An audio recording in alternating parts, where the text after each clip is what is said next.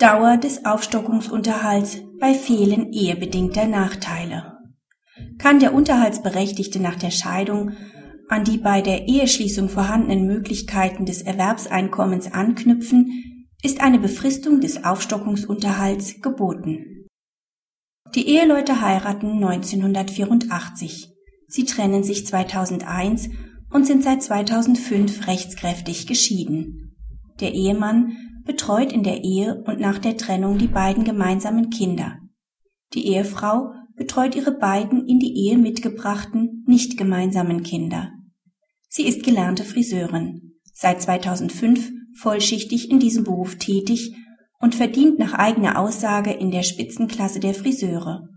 2008 erleidet sie einen Unfall mit einer komplizierten Schulterverletzung und ist seitdem nach eigener Aussage als Salonleiterin tätig. Der Ehemann möchte für die Zeit ab dem 4.9.2008, das ist die Rechtshängigkeit der Abänderungsklage, einen Wegfall des Unterhalts erreichen.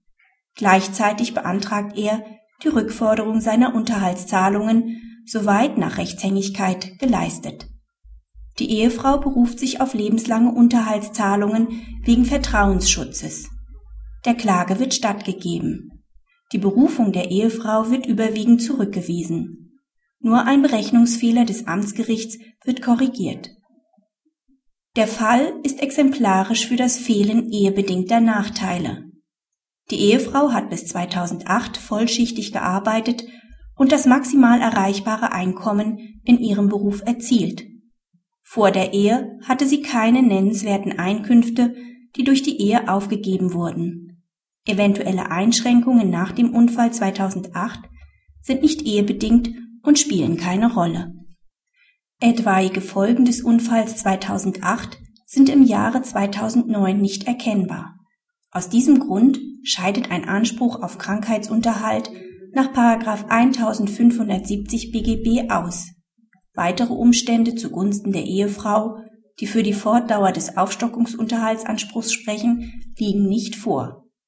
Der Ehemann hat insgesamt sieben Jahre Trennungs- und nachehelichen Unterhalt gezahlt und während der Ehe die nicht gemeinsamen Kinder der Ehefrau mitversorgt.